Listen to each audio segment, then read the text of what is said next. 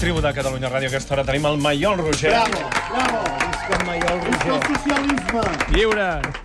Periodista del País.cat i el nostre expert en política. Cada setmana tres claus perquè puguem entendre la política, l'actualitat. I aquesta setmana, eh, en fi, no sé si has sobreviscut, sobreviscut sí, perquè tinc aquí al costat, però vull dir, sobreviscut adequadament i en bones condicions mentals a la sessió doble que hem tingut de comissió al Parlament de Catalunya de Comissió Pujol. de Comissió Camarga. bones condicions setmana. mentals no ho sé, perquè tampoc sé si les prèvies eren les adequades, però en fi, amb un, amb un bon plat de crispetes s'ha seguit eh, de forma ideal. Vicky Alicia Saragossa. Sí, eh, perquè tothom diu que això és com Salva, però a mi em recordava eh, a una pel·li de Woody Allen, recordeu, Vicky Cristina Barcelona, si l'hagués de gravar ara es diria així, clarament, Vicky Alicia Zaragoza. Per què la comissió Pujol ha anat a furgar en un dinar de dues hores el 2010 al restaurant La Camarga que va acabar gravat en un florero de, comprat en una botiga xinesa? Això és el dubte que ens quedava a tots, no? Què, què té a veure tot això? Primer hi ha un punt de venjança. L'Alicia Sánchez Camacho, ho dèiem la setmana passada, no havia volgut anar i es va haver de presentar allà, va haver de, de, de veure com entrava en contradicció dèiem divendres quan ho comentàvem que, que això segurament hauria d'haver acabat amb la seva carrera política i ara estem potser en temps de descompte, ho veurem, depèn de què passin les eleccions i aquest punt de venjança. Què en traiem de tot, tot aquest trencaclosques, que a part d'aquests tres protagonistes, Vicky, que és Victoria Álvarez, eh, ex amant de Jordi Pujol Ferrosola, Alicia, que és Alicia Sánchez Camacho, José Zaragoza, té un quart eh, protagonista, que és Francisco Marco, director de, de Método 3. D'un tren, un trencaclosques que amb les dues versions de les persones menys polititzades, per entendre'ns, que serien Victoria Álvarez i Francisco Marco, en traiem que Alicia Sánchez Camacho, a través de José Zaragoza, amb el qual presumptament tenia una relació dolç i relaxat, que aquí ja ens entenem tots, va encarregar de gravar Victoria Álvarez perquè li interessava saber o tenir, tenir controlat el que deia sobre Jordi Pujol Zaragoza. El paper de Zaragoza com a enllaç, que Victoria Álvarez el deixa molt clar, Francisco Marco no queda clar si l'exculpa o no. Hi havia aquesta mateixa discussió entre els periodistes, perquè diu, no me l'ha encarregat el PSC directament, no me l'ha encarregat ningú de l'entorn institucional del PSC. Clar, aquí entorn institucional, que s'entén per les institucions que José Zaragoza no hi ha estat, per dins del partit, per tant és una mica, és una mica liós. I el que dèiem abans, què té a veure tot això amb el cas Pujol? Doncs en aquell en aquella conversa, entre moltes altres peculiaritats i confidències, Victoria Álvarez li explica a Alicia Sánchez Camacho els negocis irregulars de Jordi Pujol Ferrusola.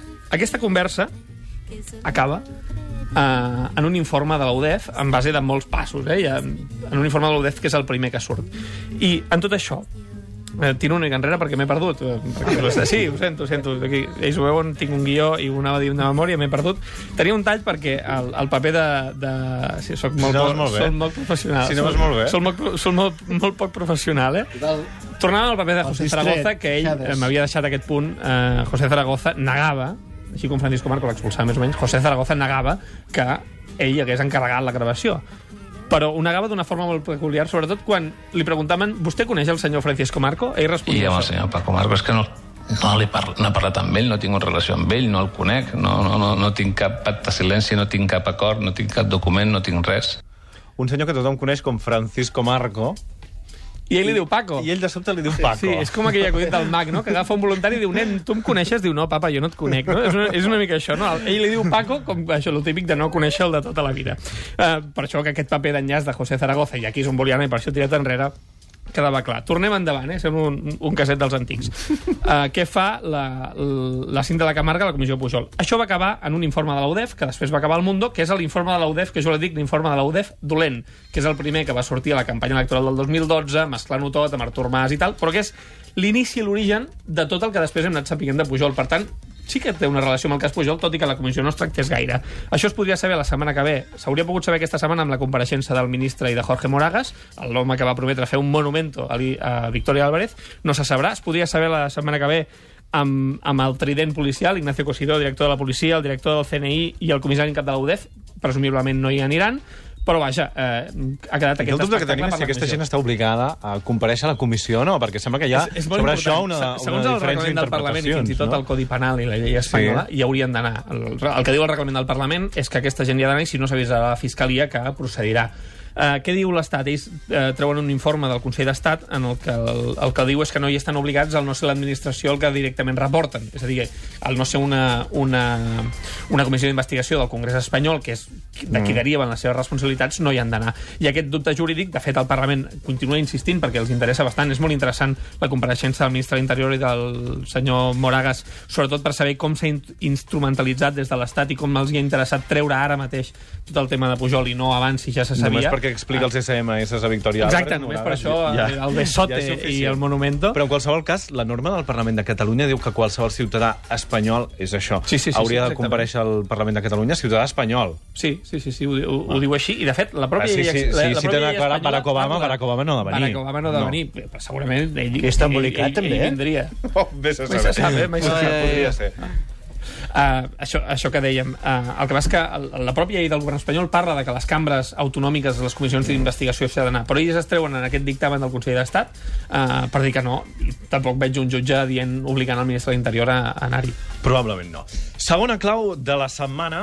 Ja avançàvem que el cap de setmana hi havia uh, aquesta reunió de l'Assemblea Nacional Catalana i ara ja sabem que l'ANC ho té meridianament clar. Segon joc de paraules en segon, dos claus, complint el meu objectiu. Uh, meridianament clar, però aviam, no ens enganyem, eh? Si mirem la manifestació d'aquest any, que serà l'Avinguda Meridiana, i mirem la dels altres anys, es queda clar que l'ANC s'ha quedat una mica sense idees, no passa res per dir-ho, eh? Van fer la manifestació del Passeig de Gràcia, van fer la cadena... acaba la Meridiana, hi ha un debat que no... La Meridiana acaba 7 quilòmetres més 7,5 quilòmetres més enllà del que comença, perquè ho vaig mirar a Google Maps en aquell precís moment. Arriba a l'Aslan? Crec que no, eh? que no Allò és autopista. No, no arriba allà la Meridiana, allò és l'autopista. Jo quan, jo crec que no. amb, Aviam, amb ja som fora de Barcelona. Que si posa i diu que acaba, que acaba sort, s'omple fins a sort, eh? perquè això també, això també ho tenen. Uh, Aquí es mezclen dues coses, ho va dir ahir Carme Forcadell, hi ha la comoditat, la comoditat tècnica, que és, eh, és una avinguda ampla, sense arbres, es pot mm. veure una foto espectacular, a més amb una cosa de colors, però hi ha també el, el, el leitmotiv de la campanya que està fent l'ANC, que és anar a captar els indecisos. El 9 de novembre hi ha dos milions de persones que voten, això és una xifra molt bonica, però a l'ANC i, a, i a la resta de persones que ho analitzen els hi queda cada una cosa. Amb això no s'hi arriba a, a, a guanyar la independència, amb, amb una votació en què hi hagi una participació molt alta, ja ho vam dir en el seu dia. Per tant, on s'ha d'anar? Els indecisos o directament els que voten no per intentar convèncer algú. Quina gràcia té la Meridiana? Que passa pels tres districtes de Barcelona on menys independentistes hi ha, mm. que són Sant Martí, Sant Andreu i especialment nou barris. Això va ser el 9 van mm. ser els tres barris amb menys participació i amb menys votants del sí i a les eleccions del 2012 van ser els tres barris on menys votants va tenir eh, els tres partits que continuen el procés, que seria Convergència, Esquerra i, i la CUP. I la tesi de l'ANC és que si passa la manifestació per sota de casa d'aquesta gent... És que és totalment lògic. Es convertiran en independentistes. Un dia, un dia festiu, Clar. et passa una manifestació per sota casa, tallen el trànsit i no pots ni creuar, tu estàs encantadíssim, és lògic, no pots anar a comprar el pa perquè hi ha, hi ha un INDP a cada cantonada, és, és, és totalment obvi. L'ANC si té unes coses clares. Uh, no, suposo que és l'excusa, el fet de buscar un lloc ample, i és l'excusa mm. per vestir-ho tot d'un simbolisme que l'ANC aquest any no ha trobat. Per això deia que no, que no havia tingut gaire idees. Ells ho, han vestit aquesta cosa dels indecisos i dels deu eixos del nou estat, eh, però vaja, s'acaben les idees màgiques en tants anys. En qualsevol cas, serà el primer acte de la campanya electoral Exacte, perquè allò és un divendres... de setembre. Sí, sí. És, és el dia que comença la campanya del 27 és de setembre. exactament el dia és exactament el dia, i això va molt bé perquè... Electoral. És a dir, potser els indecisos no, però ara estem en un moment de, de, de baixada una mica, de, de, alguns diuen sufler, però podríem parlar d'un altre terme, eh, un, un, uh, una hora avall, també, d'esperar que torni a pujar uh, segons els independentistes, i aquell moment és el de tornar a reflotar, de dir, ei, aquí hi ha un projecte il·lusionador que si voteu el dia 27 de setembre pot guanyar, i això és el que busca l'ENC i el que busquen els I la, partits. la Muriel Casals, per què ha plegat? La Muriel Casals ha plegat... Eh, quan ha plegat? De què ha plegat? Ha plegat la Carme Forcadell. La, la Carme Forcadell. També ha plegat? No, Hòstia, que la Muriel no ha plegat. Ah, sí, la Carme Forcadell ara, encara tampoc. Ara, ara, Està a punt de fer-ho, però encara no. I els catarres se separen. És que Catalunya se'n va, se'n va, va a pastar. Prou ja d'aquest rumor que els catarres se separen, perquè els catarres no se separen. La Carme Forcadell, perdona, plega per estatuts i plega al maig perquè ja no pot renovar els mandats. I es fa d'Unió? Ja, segurament. o del PSC. I una última cosa, la tercera clau de la setmana, perquè que falten 8 setmanes per les eleccions municipals, en aquest cas, i farem una anàlisi partit a partit d'aquestes eleccions. farem set anàlisi i un final de una mica com està el mapa. Comencem per la CUP, que és el partit vintage. Exacte, perquè la CUP ara està molt de moda, però és un partit que en alguns municipis ha estat treballant des de l'any 79, per tant, és com allò vintage, no? que, que, que és antic, però, però ara mateix està, està amb aquest boom d'haver estat al Parlament. Eh, El que ha de fer la CUP ara mateix amb aquestes eleccions municipals és gestionar l'èxit que han tingut aquests, aquests dos anys, però sense oblidar l'eix de la seva actuació política, que són els municipis, i els mateixos membres de la CUP t'ho diuen.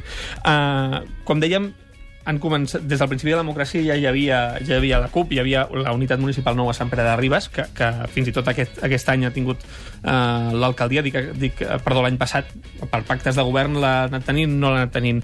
Uh, la CUP Arbúcies també ha sigut històrica. El que Arbúcies, no? Exacte, 23 anys. Però no es presenten. I aquest any no es presenten. Exacte, que és una mica el, el, el, el, sentiment aquest agradol de la CUP, perquè doblen candidatures, però en canvi un referent que era la CUP, eh, vosaltres ho sabreu millor que jo, evidentment. Però que no passi no. Arbúcies, també. Exacte, no es presentarà. Ara mateix té un, un centenar de regidors i entre pactes i no pactes ha gestionat cinc alcaldies, dos d'elles a majoria absoluta.